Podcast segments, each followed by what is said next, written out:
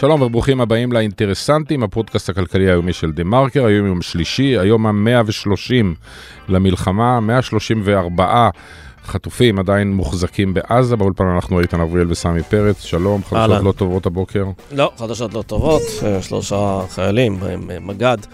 אה, במילואים, נהרגו. כן, אתה יודע, יש לפעמים ימים שקטים כאלה שאתה נוטה לחשוב... אתה מתרגל לטוב. כן, כן, שאולי האירוע מאחורינו, אבל האירוע לא מאחורינו, ועזה עדיין לפנינו, ויש שם עדיין הרבה מאוד אתגרים, אנחנו כמובן אה, תכף נעסוק כן, בהם. כן, בדיוק אה, אמרנו אחד לשני אפילו אתמול, שהי, כבר המון זמן לא, לא היו רקטות על, על תל אביב, זה מרגיש, זה מרגיש כמעט שגרה, אבל זה לא ככה, כי שוב, אם שלשום היה לציבור הישראלי רגע של נחת, כזה במבצע הקומנדו המוצלח שהביא לשחרורם של שני חטופים, הבוקר אה, עם ישראל התעורר עם עוד אירוע מבצעי מלחמה, מה לעשות, קשה שגבה את חייהם של שלושה חיילים, והזכיר לנו שהשהייה בעזה עולה לנו במחיר דמים יקר.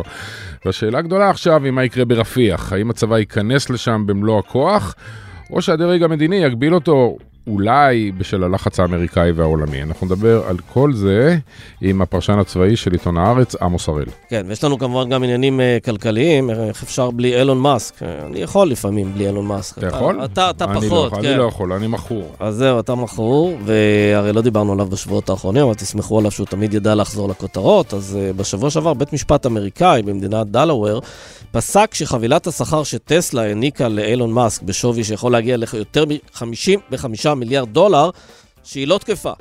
ובכך בית המשפט קיבל תביעה של אה, בעלי מניות שטוענים שהדירקטורים בחברה הפרו את חובת הנאמנות שלהם כלפי בעלי מניות, ושהם למעשה אינם דירקטורים בלתי תלויים, אלא בובות שלו, של אילון מאסק.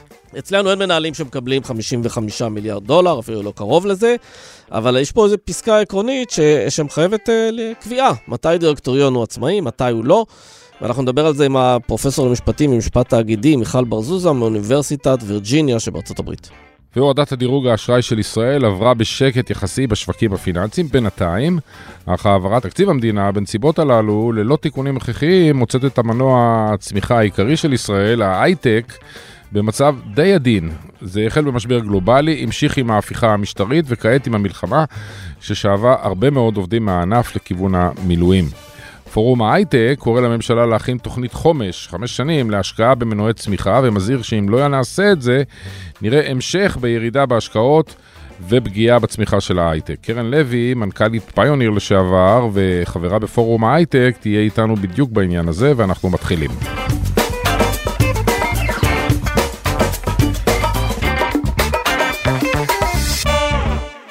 שלום לעמוס הראל. שלום סמי ואיתן. היי. הפרשן הצבאי של הארץ, אה, וגם פרשן אצלנו פה.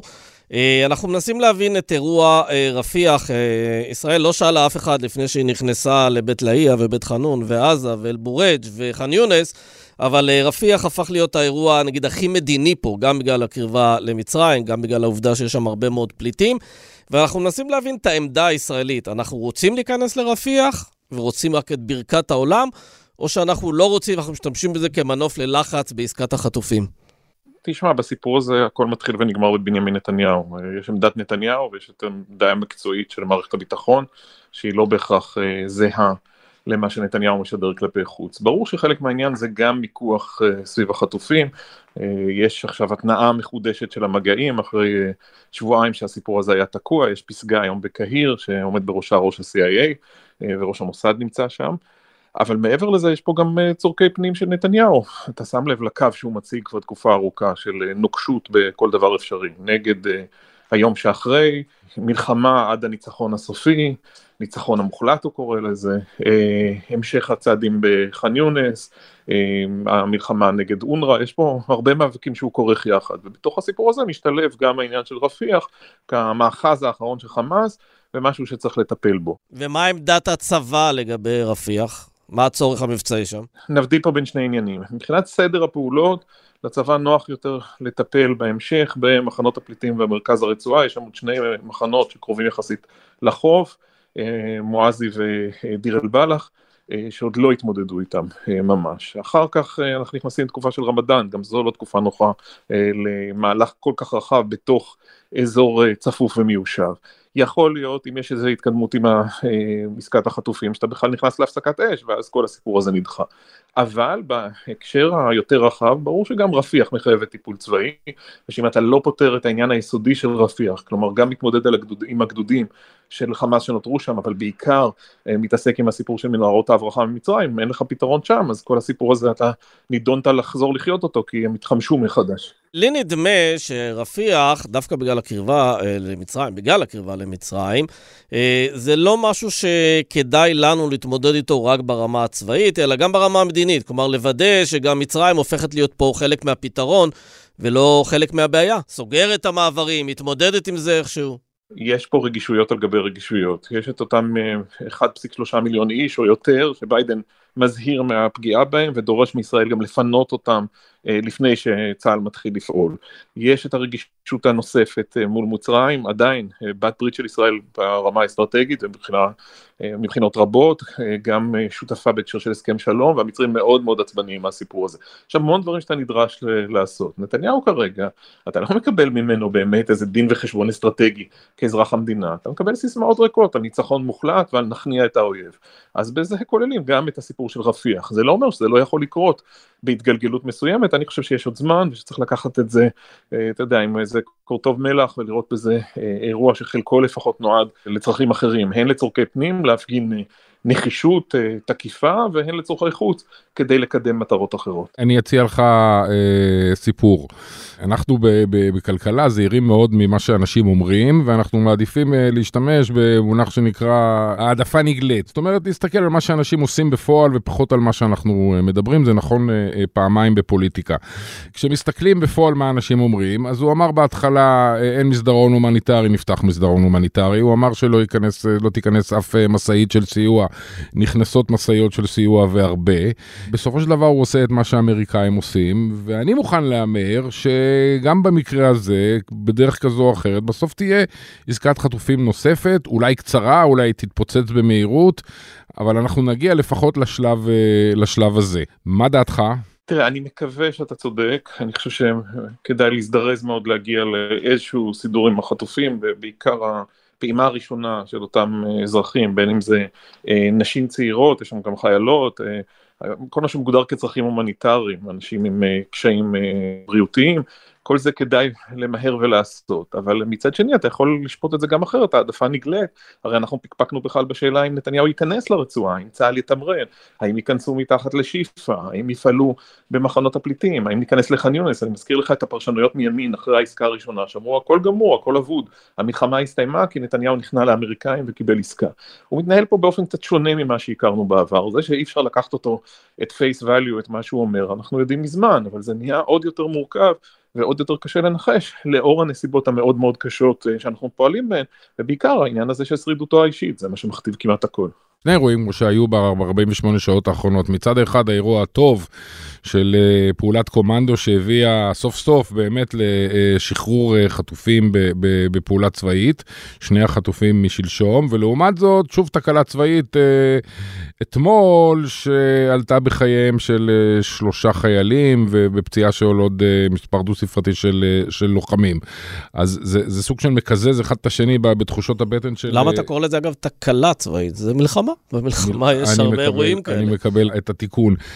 שני הדברים האלה יכולים להשפיע בדרך כלשהי על uh, הנכונות של, של uh, נתניהו ושל גם של הצבא בסופו של דבר לפעול ברפיח? לא במיוחד, תראה בוא נחזור לרגע לעסקה, אז היה פה את מבצע החילוץ ועכשיו מה שאתה שומע מהכיוון של השופרות של נתניהו זה אחד, הנה אתם רואים, פעלנו בתוך רפיח ולא קרה כלום, הצלחנו אפילו, ושתיים, התעקשנו על חילוץ בכוח וחילוץ צבאי והצלחנו, זה אומר שצריך להמשיך בניסיונות חילוץ הללו, אבל אני מזכיר לך את מה שאומר אייזנקוט אה, בעובדה לפני חודש, שלא יהיה פה מבצע אנטבה, החטופים הרי מפוזרים בין המון מקומות, אתה לא תוכל לאסוף אותם, זה לא ביצים עזובות, אתה לא תוכל ברגע אה, לקחת את כולם ולשחרר אותם באיזה מבצע הירואי, הלך לנו פה קלף, אה, טוב מאוד שזה הצליח, אבל זה לא...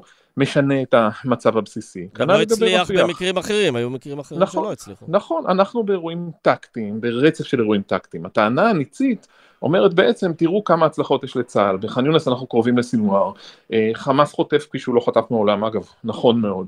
אה, יש יחס אבדות עצום לטובתנו, אנחנו סופגים נפגעים, כמו שסמי גם העיר, זה חלק ממחיר מלחמה, אבל בצד השני יש מאות הרוגים בכל שבוע.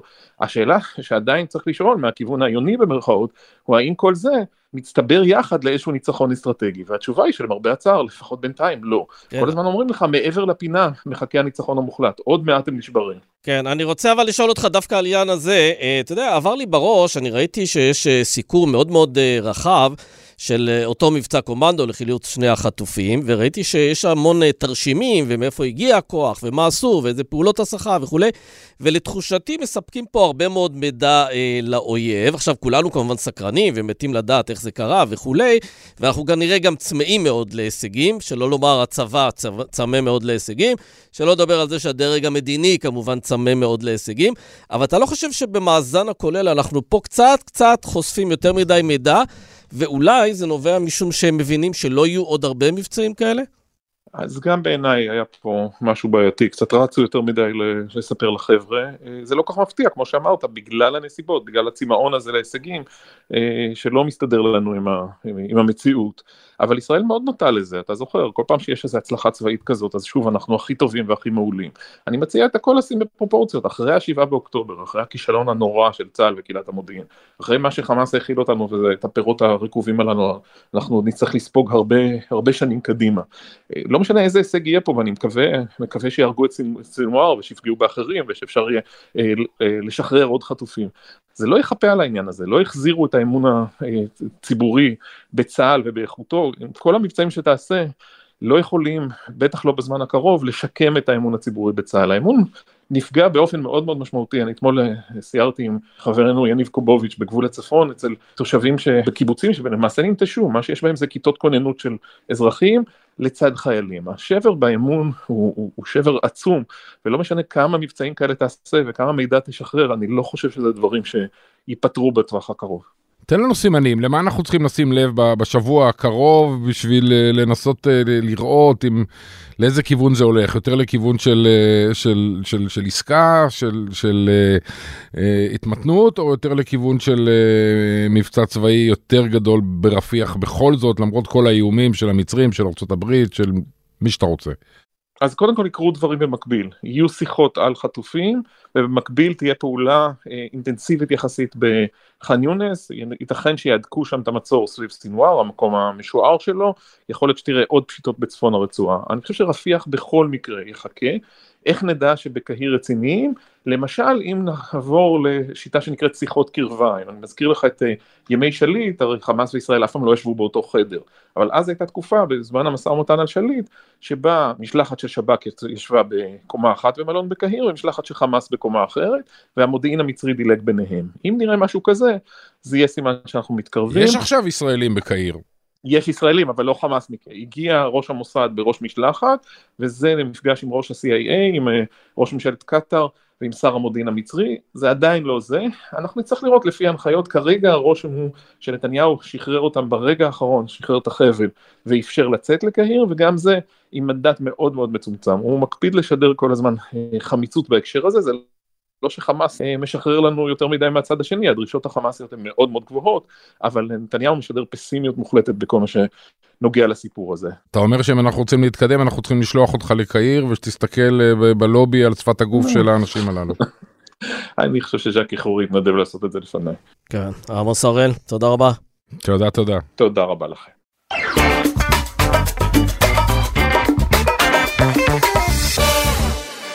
שלום למיכל בר זוזה.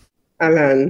פרופסורית למשפטים ולממשל תאגידים באוניברסיטת וירג'יניה שבארצות הברית, אנחנו גם מדברים איתך uh, כרגע מארצות הברית, אז אם יש בעיות בקו, uh, המרחק הוא האשם.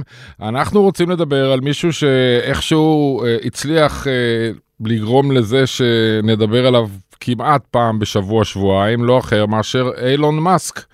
לא דיברנו עליו כמה ימים, היינו עסוקים בדברים אחרים, אבל אפשר לסמוך עליו שהוא תמיד יחזור איכשהו לחדשות, ואכן בשבוע שעבר, בבית uh, המשפט שבדלאוור בארצות הברית, קבלה פסיקה שביטלה ותכף תסביר לנו במה מדובר, בעצם חוזה העסקה, חבילת תגמול שהוא מקבל, הוא היה אמור לקבל מחברת טסלה, כמובן היצרנית המכוניות החשמליות שהוא יזם, פיתח ומוביל, שכר של 55, אפילו 56 מיליארד דולרים, שזה כמובן מספר הזוי לחלוטין, ובא תובע ואמר שזה לא בסדר, ובאמת ביטלו לו את השכר הזה. בואי תסבירי בעצם אה, במה מדובר בסיפור הזה, כי מעבר לעניין של אילון מאסק, אנחנו מבינים שהוא מעלה שאלה עקרונית של...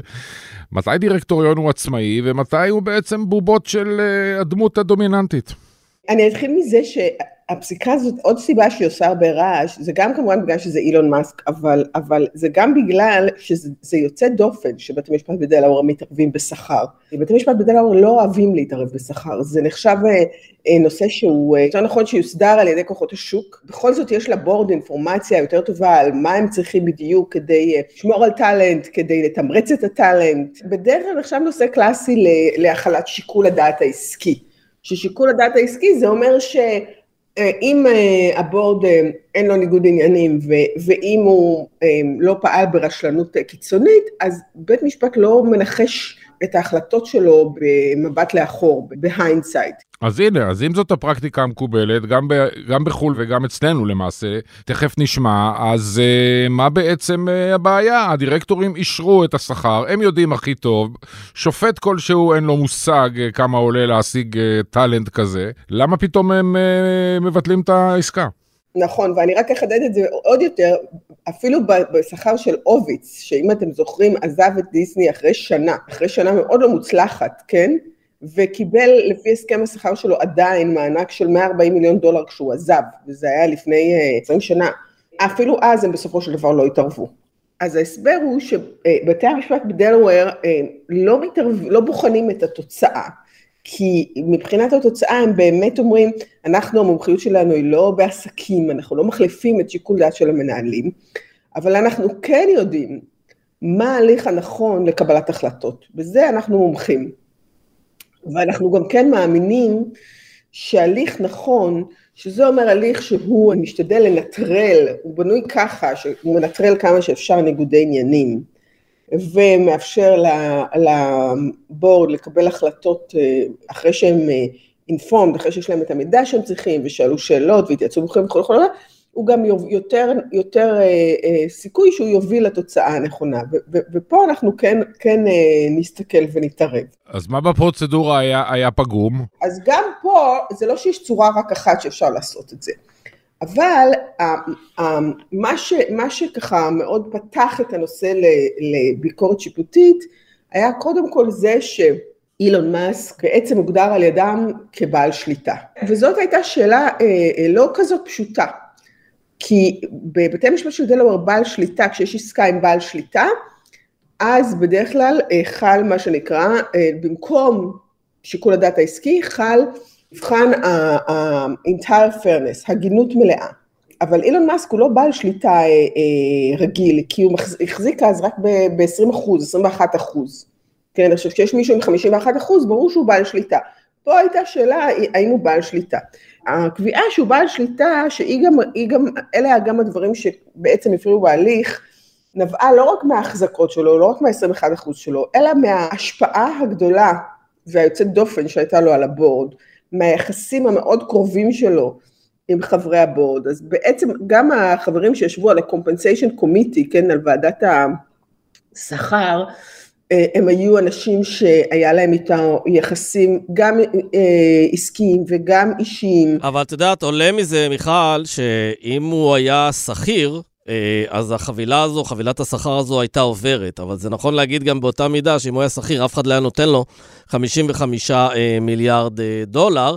השאלה אבל עד כמה בית משפט מתייחס להליך של האישור של השכר, ואני חייב לספר לך משהו שקרה לפני לא מעט שנים בישראל. בשנת 2006, אה, נדמה לי, שלושת אה, המנהלים הבכירים בבנק הפועלים אישרו לעצמם שכר ב-70 מיליון שקלים. וזה עשה רעש מאוד מאוד uh, גדול, ובשלב מסוים רשות ניירות ערך שלחה מכתב לבנק, ובו uh, היא שאלה כמה שאלות. Uh, מי אישר את חבילת השכר? Uh, על סמך מה אישרתם את חבילת השכר? איזה נתונים השוואתיים עמדו לרשותכם בזמן שאישרתם את חבילת השכר, וכן הלאה.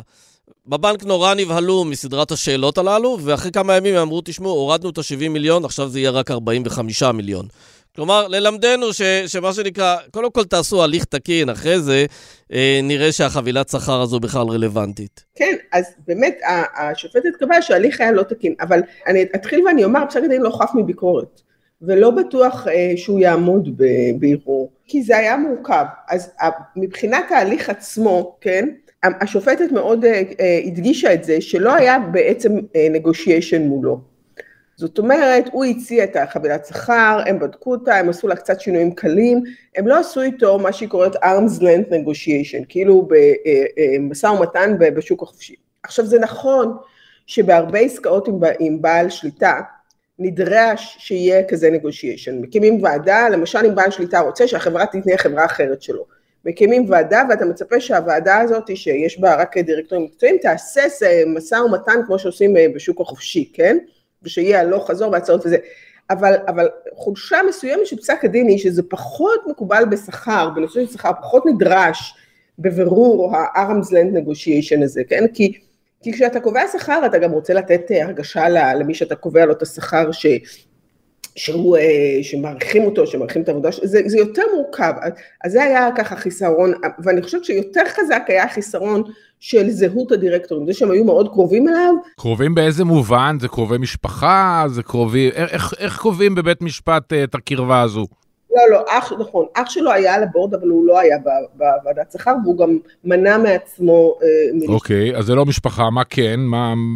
חברים מאוד קרובים, שגם עבדו איתו בעבר. עכשיו, גם ה-General Counsel של החברה, הוא דווקא לא היה חבר שלו, אבל הוא היה בעבר העורך דין שלו בגירושים שלו, והוא נורא הריץ אותו, כאילו השופטת תיארה את זה, היא אומרת, הוא עמד על הדוכן וכמעט בדמעות, הוא תואר כמה הוא מעריץ את אילון מאסק. אבל כולם מעריצים את אילון מאסק, יש לו 160 מיליון עוקבים בטוויטר. אני אומרת שהתיאור הזה, הוא יכול היה גם להיראות אחרת, זאת אומרת, זה, זה פסק דין שהוא דווקא לא... לגמרי ברור שהוא יעמוד אה, בערעור כמו שהוא, אני חושבת שיש לו כמה מקומות שהם לא, גם, גם מה שהם אמרו, הבורד, הדירקטורים אמרו, והיא אמרה שהיא מאוד דווקא התרשמה מזה שהם דוברים אמת, הם אמרו, אילון יש לו את ה, וגם היא כתבה את זה בפסק הדין, יש לו את הגרנד פלן שלו, שצריך אה, ליישב את מרס, כי אנחנו צריכים מקום לברוח אליו, והוא נורא מאמין באמת שהוא פועל בעצם למען האנושות ושהוא חייב לפתור את הבעיות. אז מה, למה זה אומר שהוא צריך לקבל כל כך הרבה כסף על חשבון בעלי המניות? זה, זה יורד בסוף מבעלי המניות. לא בדיוק.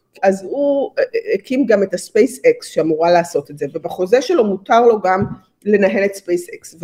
הם אמרו, אנחנו רצינו משהו שיתמרץ אותו להמשיך את המחויבות החזקה שלו לטסלה ולהשקיע הרבה מאוד זמן ומחשבה בטסלה ושהוא לא ישקיע יותר זמן בספייס אקס. עכשיו, מה שיתמרץ אותו זה חבילת שכר, שדרך אגב, כל החבילת שכר הזאת הייתה בנויה על, על ביצועים בלבד. זאת אומרת, היו לה, ובאמת הרי טסלה עלתה ב-600 ביליון בתקופה הזאת. כן.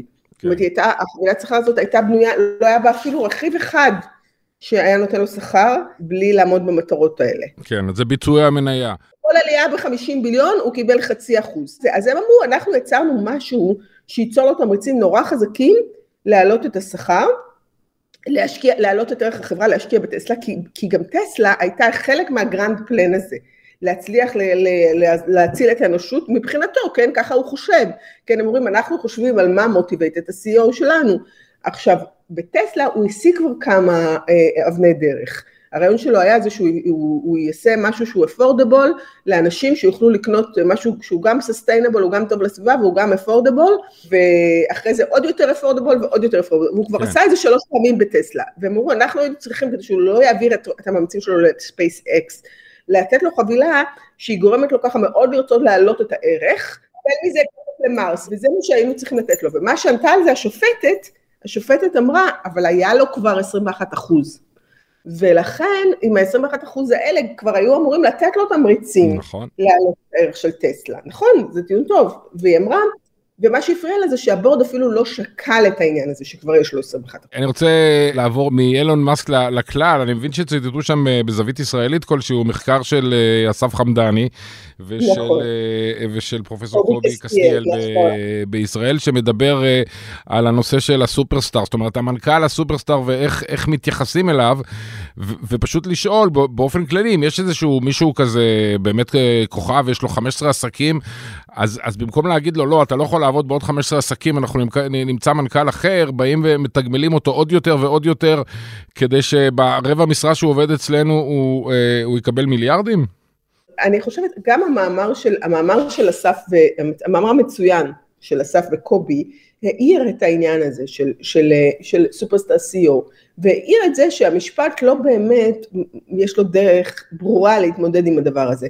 כי כמו שהם אומרים במאמר, מחד, למשל ברור שמישהו שהוא סופרסטאר CEO יש לו כוח של בעל שליטה גם אם יש לו 20 אחוז וזה המקום שבו היא השתמשה בזה להגדרת הבעל שליטה.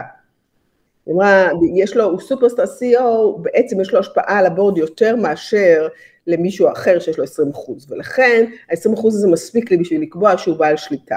מצד שני הם גם אמרו, למשפט אין דרך ברורה להתמודד עם זה, כי לפעמים, לפעמים באמת נכון לנהוג אחרת, כי סך הכל אנחנו חושבים על טובת החברה וטובת בעלי המניות, כן? והנה פה מקרה, ואמרנו, הרי בית המשפט בדלו מסתכלים על התהליך ולא מסתכלים על התוצאה. מבחינת התוצאה, התוצאה הייתה לא רעה לבעלי המניות. עכשיו, בעלי המניות אישרו את החבילת שכר ברוב מוחץ. אבל הטענה של השופטת בנוגע לזה הייתה שלא מספיק היה להם גילוי. כשבעלי המניות כן. מצביעים צריך להיות להם גילוי. טוב, אנחנו רק יכולים לשבח את אילון אה, מאסק, שהחדשנות שלו מביאה גם לפסיקות מעניינות, גם בנושא של דירקטוריונים. אנחנו רוצים להודות לך, פרופסור אה, מיכל בר-זוזה, תודה רבה לך. זה היה כיף לדבר איתכם. כנ"ל, תודה.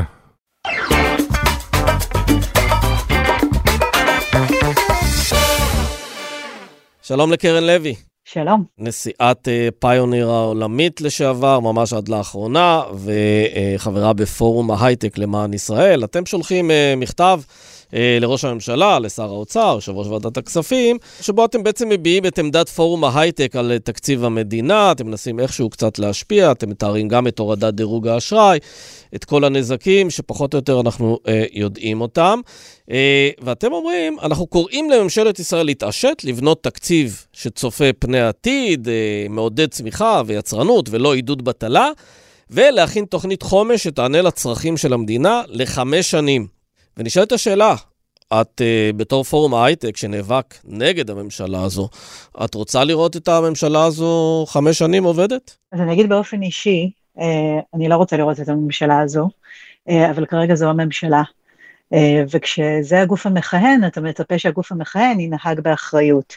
ומבחינתי, מבחינתנו, מבחינת פורום הייטק למען ישראל בכנסת, לנהוג באחריות, זה לשים את התקציב הרע הזה כרגע בצד, לשדר לעולם שיש פה מנהיגות כלכלית אחראית, צופה פני עתיד, מסתכלת על השקעה במנועי צמיחה, מסתכלת על אה, דרכים שיכולה להביא בהם יציבות או לשדר לעולם יציבות, ומה שאנחנו רואים זה להפך. אז אם אתה שואל אם אנחנו מעדיפים לראות את הממשלה הזו או אחרת, אני חושבת שדעתי האישית שאני מעדיפה לראות ממשלה אחרת, אבל בהינתן שהממשלה הזו היא הממשלה המכהנת, הציפייה היא שהממשלה הזאת תנקוט באמצעים ותיקח את האחריות על האירוע, וכרגע הממשלה לא רק לא לוקחת את האחריות ולא משדרת שיש דיון על היום שאחרי, לא מראה מתווה של אופק מדיני, לא מראה שישראל, נכון שישראל צריכה לתקצב את uh, צרכי המלחמה, בין אם צבאיים ואזרחיים, אבל היא לא מראה שאנחנו עושים את הצעדים הדרושים, ואנחנו מוכנים גם לעשות uh, uh, את הצעדים האחראיים כדי להביא כאן יכולת להשקיע גם במנועי צמיחה, זה אחריותם. אני רוצה לאמת אותך עם, אה, עם המציאות קצת בעניין הזה. אה, את יודעת, האוצר אה, קיבל מכה גדולה על היד מחברת מודי'ס, שאמר, שאמרה בגדול בדיוק אותם, אותם דברים, שאין תוכנית ארוכת טווח, אין תוכנית לאחרי עזה, אין יצירת מנועי צמיחה, אין סיפור עבור הכלכלה הישראלית, והורידו ככה בהורדה וחצי את, את הדירוג, והתגובה של הממשלה זה, אתם לא מבינים שום דבר, אתם, זה רק הסיפור הסיפור של המלחמה, וחוץ מזה אתם אנטישמים וחורשי רעה לעם היהודי. אז... שזה נוראי, כלומר, אני חושבת שיש לי את הפריבילגיה, יש לנו את הפריבילגיה לדבר היום כבר כמה ימים אחרי, ואנחנו רואים שגם התגובות של אנליסטים כמו סיטי בנק, כרגע בסוף מתמקדים בתגובה הילדותית, הפופוליסטית נו, של בסדר, הממשלה, בסדר, לא? לא? אבל אני, אני רוצה לשאול אותך משהו אה, יותר אה, ענייני. למה את חושבת שמישהו יקרא או יתייחס למכתב כזה, כשבעצם, ש, שאין לכם הרי בסופו של דבר גם איזשהו שוט או, או, או דרך, אה, לא מקל ולא גזר מול הממשלה, כשיש גוף שיש לו בוודאי מקל מול הממשלה, אמר את מה שאמר, דברים דומים. וזו התגובה ש... שהוא קיבל. לא מרגישה שזה כמעט, כמעט בזבוז זמן להוציא ניירות כאלה? אני אתייחס לשני דברים. פעם ראשונה, אה, זה שאני חושבת שאחד הדברים שמודי'ס אה, הדגיש בדוח שלו, זה את החברה האזרחית בישראל. אה, שבאמת מראה את גדולתה, היא נוכחת, היא אחראית, היא מתגייסת. אז חלק מההתגייסות הזאת של החברה הישראלית, וברור שההייטק מתגייס כמו כל אה, אזרחים אחרים במדינה, וגם מנצל את היכולות הבלעדיות של ההייטק, כמו התשתיות הטכנולוגיות, אני חושבת, אני חושבת שחובתנו כאזרחים להביע את דעתנו. אז בין אם הבעת הדעה היא במכתב, ובין אם היא ביציאה לרחובות או כל דרך אחרת. אז בגלל שאי אפשר לצפות מהגוף הזה, זה לא אומר שאנחנו נפסיק לצפות ולדרוש ה... שהם ינקטו באחריות. אה, והחובה האזרחית שלנו היא להמשיך, להמשיך את המאבק שלנו. אה, אז, אז זה דבר ראשון. אני מקשה עלייך עוד, עוד פעם, ואז נראה, נראה זה. אנחנו פה אה, אה, קיימנו שיחה עם אדם שאני משוכנע לחלוטין שאת מכירה היטב, בשם אה, מייקל אייזנברג, הוא שותף כן. מנהל בקרן, בקרן א', ורצינו להקשות עליו אה, אה, עם העניין של מודי'ס והעניין של היחס העולם כלפי ישראל בימים אלה, ומה אומרים המשקיעים הזרים, והוא אמר, מבחינת ההייטק עצמו, ובטח הסטארט-אפים, זה לא משפיע בכלל. הוא הביא לנו נתונים שחברות uh, אצלו בקרן גייסו סכומים uh, של מאות מיליוני דולרים עוד מאז המלחמה, ממש בשלושה החודשים uh, האחרונים, ויש לו איזושהי. טענה בסיסית שמשקיעי סטארט-אפ והייטק הם ממילא מחפשים פי עשר על הכסף, אז דירוג לפה או לשם לא משנה להם, ואפילו מלחמה לפה לשם לא משנה להם, ובעצם המצב לא, לא, לא רע בכלל. אז אולי לא צריך לעשות שום דבר. אז קודם כל יש נתונים אחרים בסדר? יש נתונים אחרים שמראים מספרים אחרים, אה, ויכול להיות שיש כאן, ויש בטוח חברות שיכולות לגייס היום כספים, בין אם בסייבר או בתחומים אחרים שישראל היא כמובן מובילה בהם. אני לא אומרת שלא לא יתקיימו שום גיוסים, ובטח ובטח יגיעו גם משקיעים, ויש משקיעים שהם גם יהודים ציונים שירצו להשקיע פה. אבל אנחנו רואים שכבר 2023 אה, הסתכמה עם ירידה משמעותית דרמטית של למעלה מ-50 אחוז אל מול נתוני 2022 מבחינת השקעות, כלומר חזרנו אה, או יותר להיקפי גיוסים דומים של 2018 ו-2019. אנחנו יודעים שיש פחות כסף בעולם, ותחת ההנחה שיש פחות כסף בעולם, אז כדאי שישראל תעשה את מירב המאמצים כדי שכסף שיש יגיע לכאן וכדי שלא נאבד את היתרון התחרותי שלנו. כשחברות סטארט-אפ לא מצליחות לגייס את השלבים הראשונים בשלבי הסיד, אנחנו בעצם, אם אני הולכת למושגי החלוציות ו- והציונות, כאן אנחנו בעצם מייבשים את הביצה קדימה. אני רוצה לשאול אותך, קרן, על החברות בפורום ההייטק, שהיה אה, מנוע מאוד אה, משמעותי במהלך המחאה. נגד ההפיכה המשפטית. מאז בעצם המלחמה, אה, כמובן המחאה אה, הוקפאה, נגנזה, אה, עברה למוד אחר, כי כולם התגייסו למילואים והלכו להילחם. ויש בשבועות האחרונים ניסיונות להתניע אותה, הרבה סביב הנושא של החזרת החטופים, פחות סביב העניין של בוא נלך לבחירות. את מעריכה שיגיע הרגע שבו נראה התחדשות של המחאה בממדים כאלה שיהיו הרבה יותר גדולים ממה שראינו אה, עד ה-7 באוקטובר? אז אני חושבת שדבר ראשון שהמחאה עשתה ו- וזיהתה כבר ב-7 באוקטובר היא שאת כל מנגנוני אה, באמת החברה האזרחית והרבה מהמנגנונים שנבנו אה, בזכות ובתקופת המחאה, אה, באמת המובילים של המחאה מהיום הראשון רתמו לטובת המאמץ המלחמתי והאזרחי האדיר שהיה כאן. אז פעם אחת אני חושבת שזו הייתה החלטה מדהימה, אז ראינו את התוצאות שלה, אה, ובמובנים מסוימים אה, החברה האזרחית נתנה גם הרבה שקט לממשלה, כי היא בעצם טיפלה אה, בתחומי, בתחומים רחבים וגדולים. אני כן רואה החזרה של המחאה, אני לא רוצה לדבר בשם אף אחד, אני באופן אישי בחזרה ברחובות, אגב, מודי'ס דיברו על זה, כתבו על זה בדוח שלהם, שברגע שקבינט המלחמה יתפזר, אה, יש צפי לטלטלה פוליטית ולהתחדשות הקיטוב, ככה הם מגדירים את זה. אז אני חושבת ששוב, ממש... הממשלה הזאת כנראה לא יכולה להביא גם לשיח מאחד, אה, ומגיעה לנו הנהגה אחרת, אה, ובשלב מסוים המחאה תלך ותתעצם, אה, ובעצם המחאה תצא בקריאה לבחירות. יש כבר מחאה שקוראת לבחירות עכשיו, וברור שלא מדובר על היום מחר, ברור שיש חיילי מילואים, וצריך בעצם להסכים לקבוע מועד לבחירות במהרה.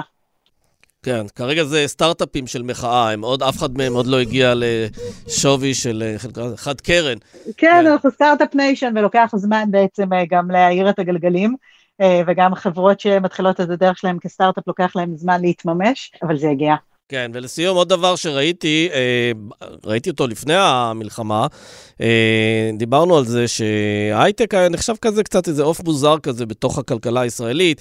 המגרש משחקים שלו זה בחו"ל, השפה, הלקוחות, המשקיעים, והיה איזה נתק מסוים בינו ובין הכלכלה, למרות שהוא מספק הרבה מאוד מהכנסות המיסים. הפיכה משפטית, התעשייה הזו מאוד התחברה למציאות הישראלית, לאתגרים הישראלים, ובמלחמה כמובן עוד יותר.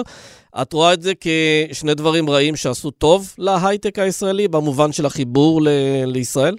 אני חושבת שמותג ההייטק כנראה השתפר כמותג אה, בציבוריות הישראלית כש, כשהתחילה, אה, המחאה, ובעצם יותר אנשים נחשפו גם לעשייה של ההייטק וגם להשפעה המכרעת שלו על הכלכלה והחברה הישראלית, אבל בעצם אם אני מסתכלת אחורה, ההייטק בעשור האחרון, אם לא מעבר לזה, אה, לקח אה, הרבה אחריות. הרבה אחריות למוביליות חברתית, לצמיחה שהיא בעצם מכלילה. אה, אני חושבת שגם ההייטק בעצם חרט על דגלו אה, להרחיב את כמות המגזרים שהם חלק מסקטור ההייטק, אה, ולאפשר, לייצר את התנאים שיאפשרו לדוגמה המגזר החרדי לעבוד בחברות ההייטק, וככה גם לנפץ את תקרת ההסתכלות שלהם. כן, אבל זה עדיין ענף מאוד מגברי, מאוד תל אביבי, מאוד חילוני. אה, אי אפשר להגיד שהענף הזה עשה מהפכות בתחומים האלה. לא, מאז, המל... מאז ההפיכה והמלחמה הוא, הוא דווקא גידל, לא, לא, גידל, בשילוב של חרדים. גידל לאומיות כן, מסוימת, כן. או לפחות אחריות מסוימת כלפי המדינה, ש... הייתה קצת, אה, אה, אנשים היו יותר ממוקדים בחיים שלהם, בקריירה שלהם, באינדיבידואליות. כן. אה, וטוב, נו, מול האתגרים הגדולים נאלצים להתגייס, טוב. וכל הכבוד באמת. אז, אז יצא לנו משהו טוב. אני חושבת שהייתה פה התגייסות מדהימה, וגם עכשיו אנחנו רואים ש-20% מחיילי המילואים הם הייטקיסטים. נכון. בהחלט מסכימים. אז, אז, אנחנו... יצא, אז יצאו גם דברים טובים, כמובן, מכל, מכל התקופה הקשה הזו. קרן לוי, תודה רבה לך. תודה, תודה. תודה רבה לכם.